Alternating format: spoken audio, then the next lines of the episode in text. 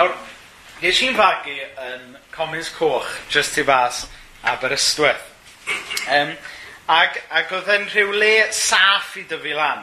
Mae rhai ohonych chi sydd wedi bod yna, rhyw stad o dau modern yw e, gath i godi yn yr 80au, ac oedd ei ffwrdd o'r lôn fawr. Felly o'n i'n gallu cicio pel o gwmpas, reidio beics fel o'n i moyn. Oedd e'n le hollol saff.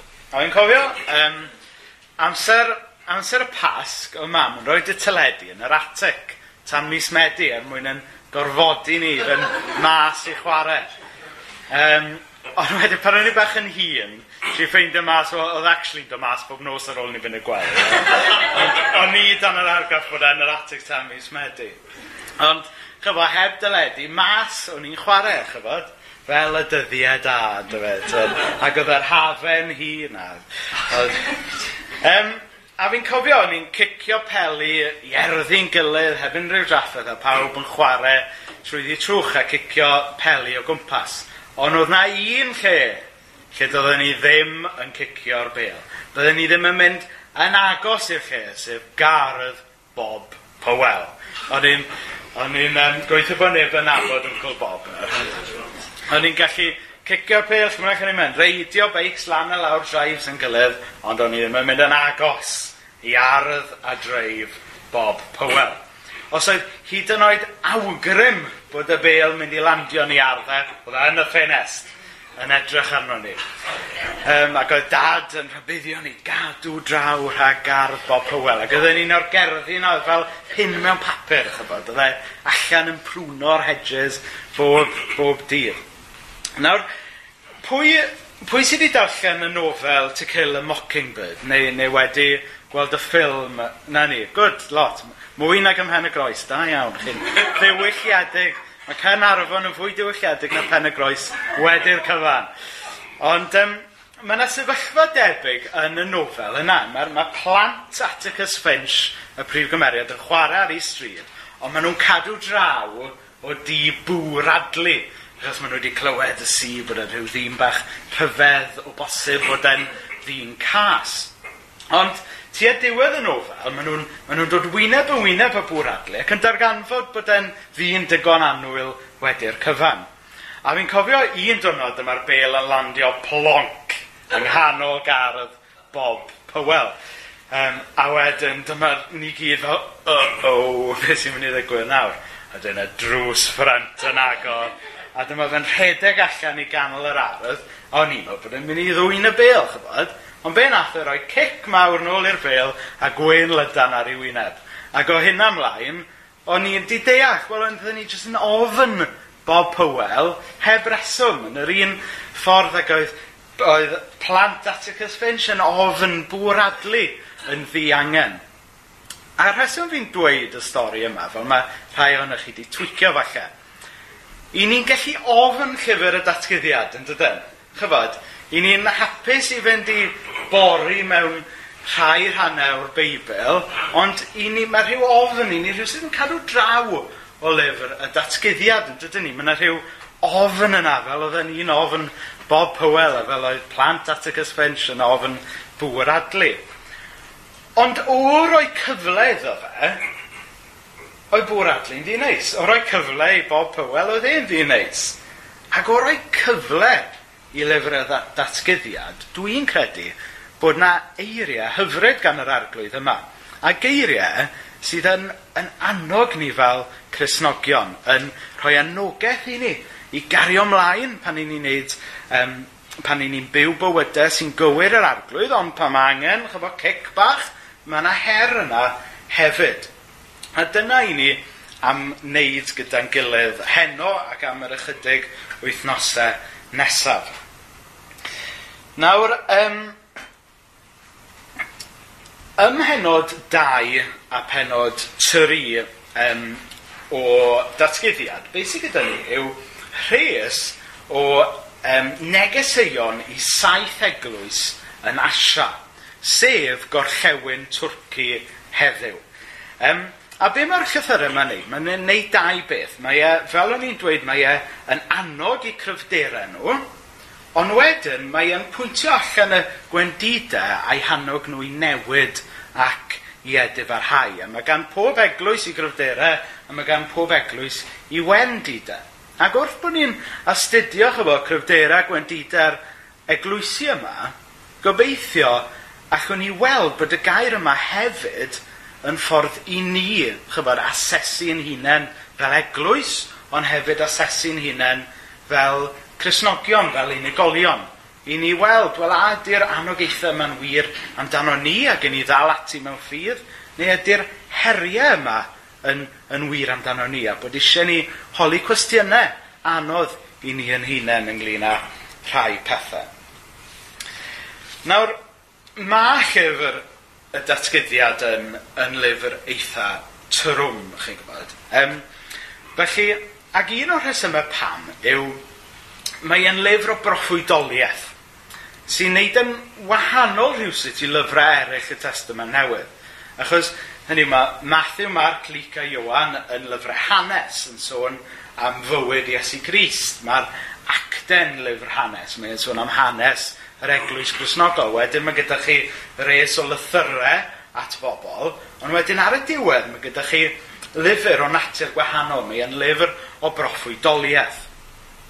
Nawr, beth yn union yw proffwydoliaeth te? Nawr, mae, ma tuedd i ni fod ofn y gair proffwydoliaeth a chyfo, meddwl mae rhyw bobl rhyfedd sy'n byw yn y coed yw'r proffwydi chi gwybod.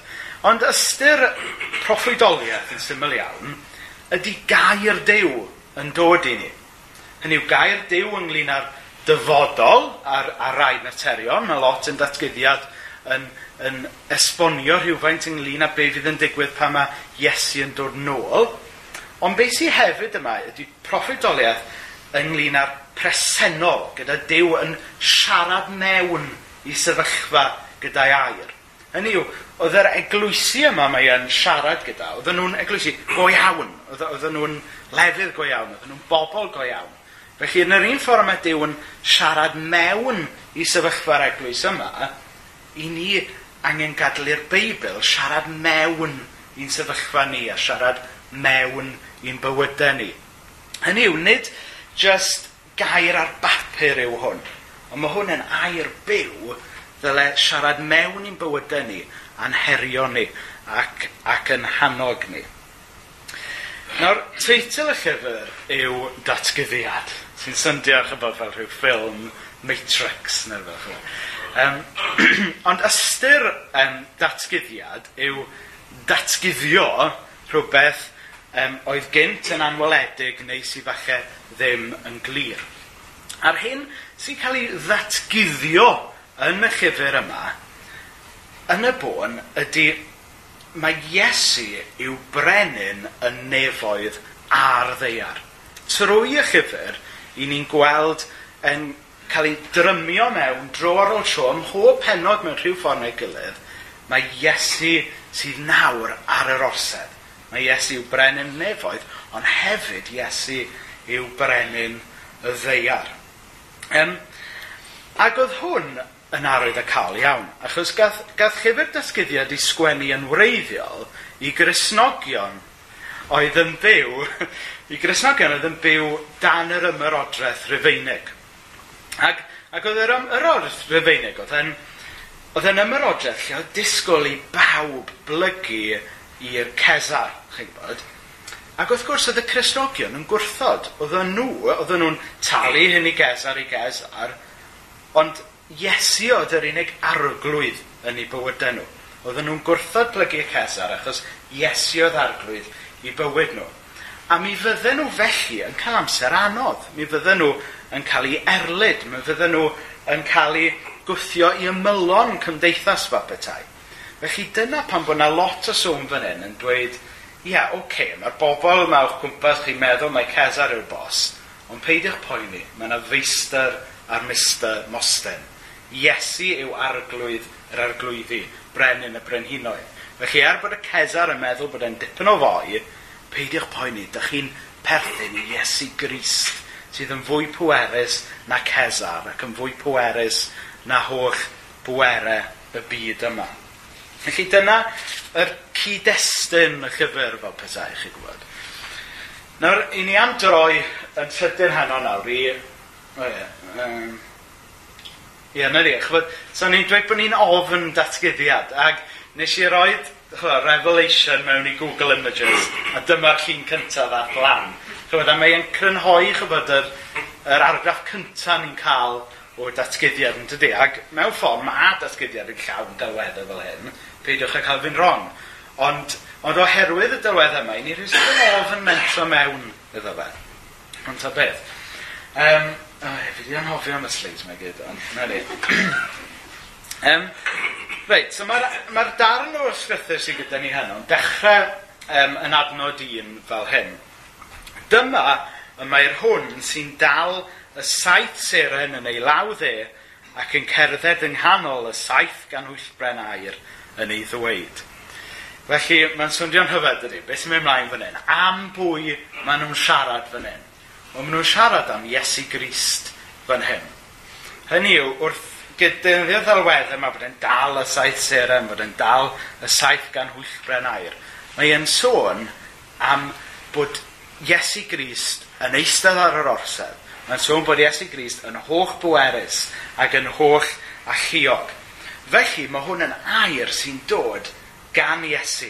Mae e'n dod gan Iesu Grist yn eistedd ar yr orsedd.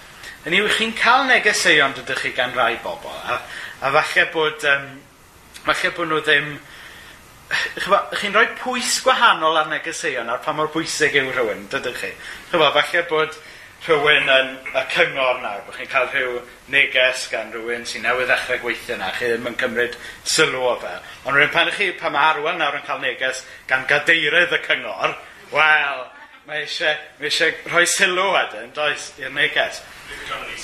Oedd ddim gan yr isgwyl. E ond, ond pwrpas yr, yr rhan gyntaf yma yw dweud, ych, mae'r neges yma'n dod gan rhywun o bwys.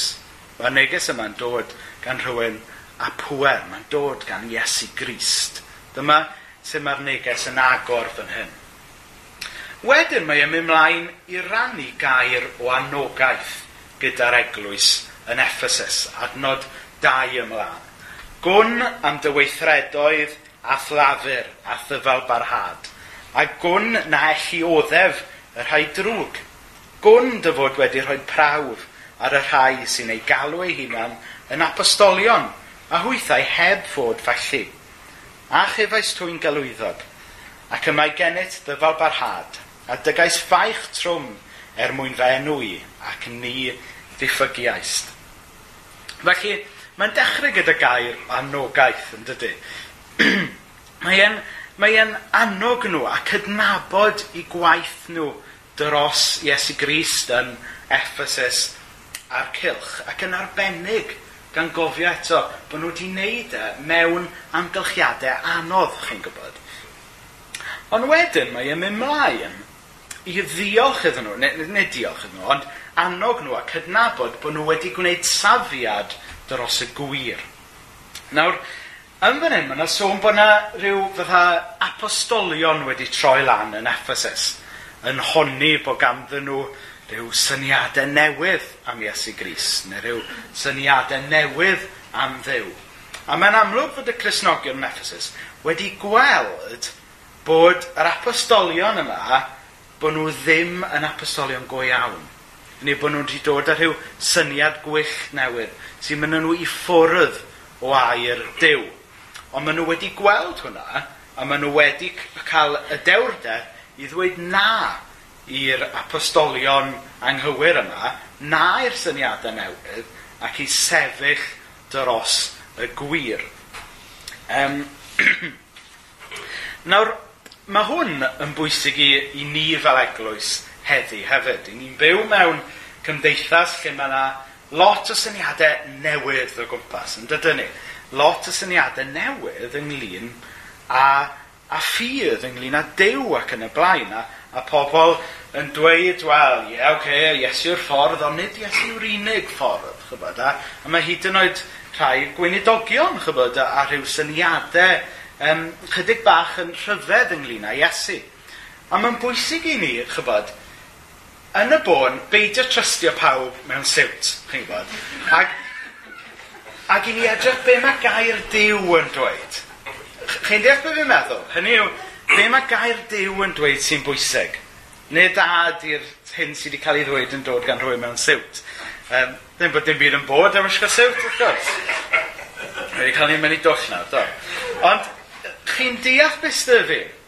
Yn ni mae'r apostolion yma nath droi lan Petasyn nhw yn... Man... Well i fi ddeud hyn yn onest, hynny yw mae yna lot o bobl yng Nghymru, chybod, maen nhw'n mynd o gwmpas eich chi'n pregethu rhyw syniadau bach neis, ond a dyn nhw'n pregethu'r gair, dyn nhw'n pregethu gair dew. A fi ddim yn barnu nawr, fi jyst yn dweud dylen ni holi a dyn ni pobl yn ffyddlon i'r gair, a dyn ni yn ffyddlon i'r gair. Hynny yw, beidiwch trystio bod dim dwi'n deud. Dalwch bod dim dwi'n deud fyny yn erbyn gair Dyw. A mae'n amlwg fod y Cresnogion yma'n Ephesus yn gwneud hynny, bod nhw wedi gweld bod yr apostolion newydd yma'n dod â rhyw syniadau od mewn, a maen nhw'n dweud na, dyn ni am aros yn ffyddlon i Iesu. A dyna sy'n bwysig i ni wneud fel eglwys, yw aros yn ffyddlon i Iesu, aros yn ffyddlon i air dew. Reit, Er bod y Cresnogion yma yn Ephesus wedi gwneud safiad dros y gwirionedd, mae yna awgrym bod y safiad yma rhywset dim ond yn safiad deallusol. Chybo, mae rhywbeth yn y pen oedd y gwirionedd iddyn nhw. A bod i calon nhw rhywset ddim cweit yn y lle iawn. Achos Mae'r mae'n datblygu wedyn yn adnod, o, oh, mae'n gwneud y sleid mlaen, adnod pedwar.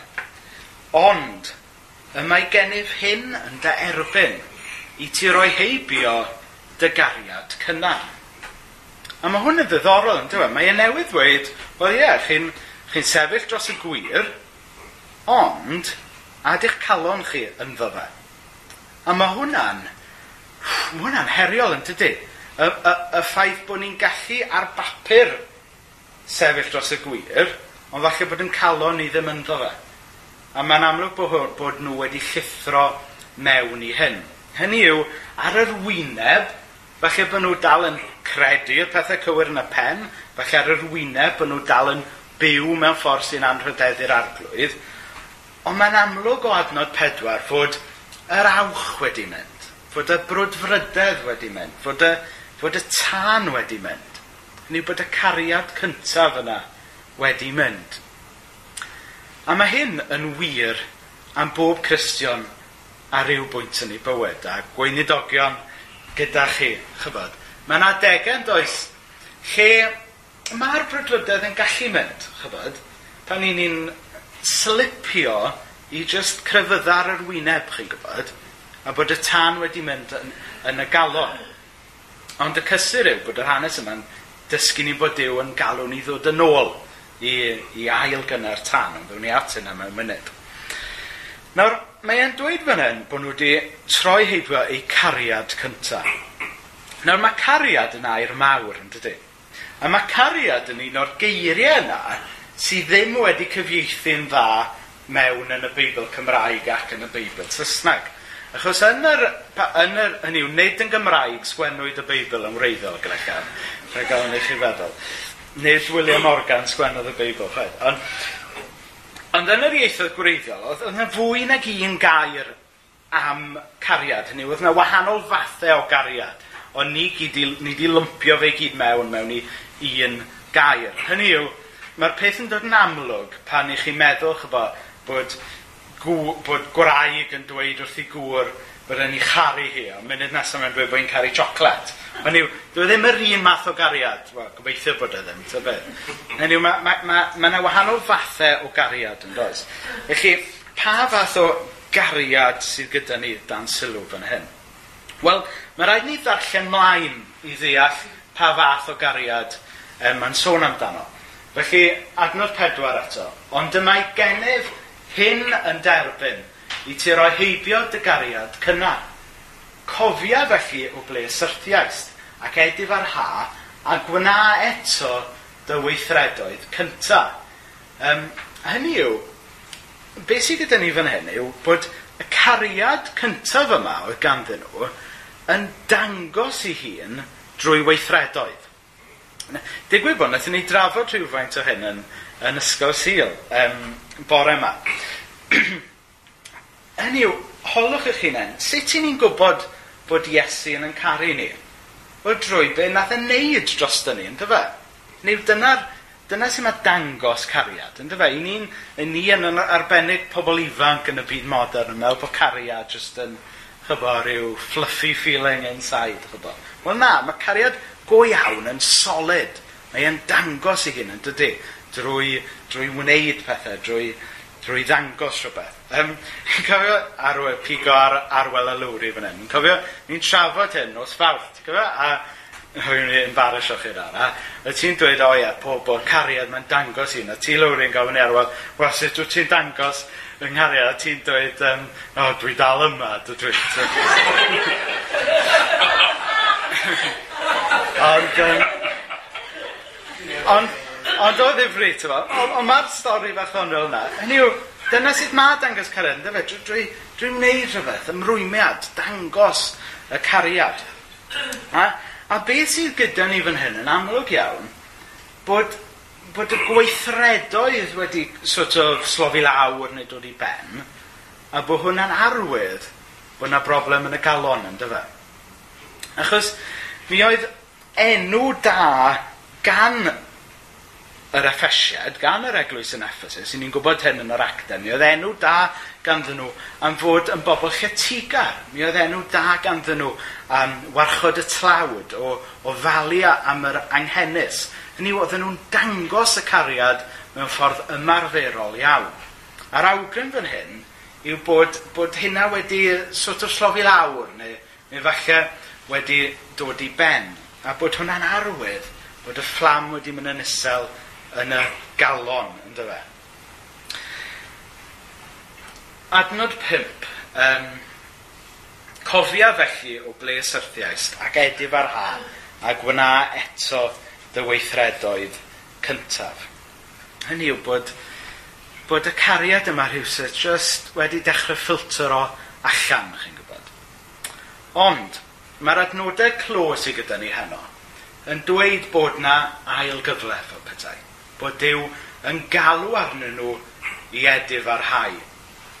Um, ail hanner adnod 5. Os na wneud i, ac os na edif ar hei, fe ddof atat a symud dy ganhwyllbren o'i le.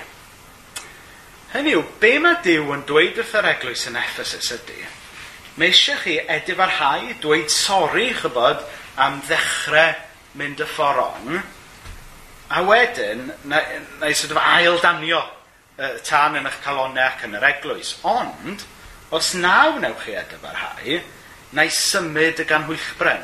Hynny yw, cymryd y fendith i ffwrdd. A mae'n rhywbeth eitha sobreiddiol fan'na, does? Hynny yw, ar rywydd, mae'n hyfryd yn dydy, achos mae Dyw yn rhoi dael gyfle. Mae e'n galw ar a'n enwedig farhau i ddweud sori ac i ail ymrwymo yn eu cariad. Ond mae e'n dweud, os na gyn nhw'n gwneud hynny, bod yna oblygiadau yn does. Bod y fflam mynd i fy mor isel, bod e'n diffodd yn llwyr. Nawr, oes unrhyw un fan hyn wedi bod i Ephesus? O'n i'n meddwl bod e ti, John, a ti. Wel, nawr, gewch chi ddweud os yw hyn yn wir neu beidio. Ond yn yr, yn yr hen Ephesus, chi dal yn gallu gweld yr hen amphitheatr, a chi dal yn gallu gweld olion, teml Artemis y, y ddiwies baganaidd. Ond un peth mae'n debyg gewch chi drafferth ffeindio'n Ephesus heddi yw eglwys grisnogol fyw. Um, gall archeolegwyr fynd â chi i weld lle oedd arfer bod eglwys grisnogol, ond heddiw does dim eglwys fyw yn Ephesus. A mae hyn yn sobreiddiol iawn, yn dydy? Mae hyn yn dweud, yn anffodus, bod y Cresnogion yn Ephesus heb ymateb i'r gair yma gan yr arglwydd. Bod nhw wedi cael rhybydd, bod nhw wedi cael galwad i edrych ar hau, ond bod nhw heb. A bod y gan wyllbren wedi symud o Ephesus. A mae hwnna yn, chyfo, yn yn sobri ni, dydy? Felly, yr her i ni fel eglwys a fel unigolion yw i ni beidio syrthio i'r un trap ag Ephesus.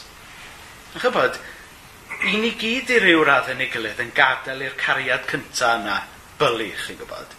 Ac i ni'n ni, ni anhofio bod ni angen byw allan yn ffydd yn wyneb y cariad mae Dyw wedi dangos i ni.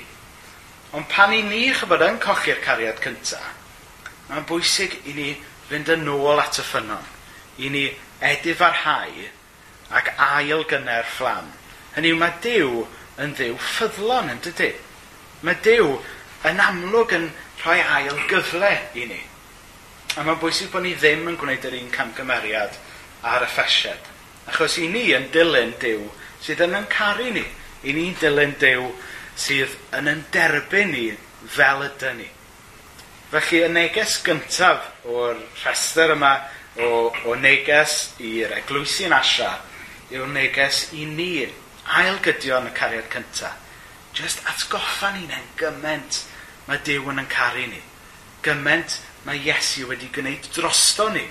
A byddwn ni'n cofio mwy am hynna wrth gymryd y cymru mewn myned. Ac wrth ddod nôl a sylweddoli y cariad mawr mae Dyw wedi rhoi i ni, dyle hwnna fynd â ni yn ôl at y cariad cyntaf. A dyle hwnna'n annog ni wedyn ni ddangos y cariad yn y ffordd da ni'n byw, ffordd da ni'n caru'n gilydd, ffordd da ni'n caru pobl eraill. Er mwyn i enw, amen.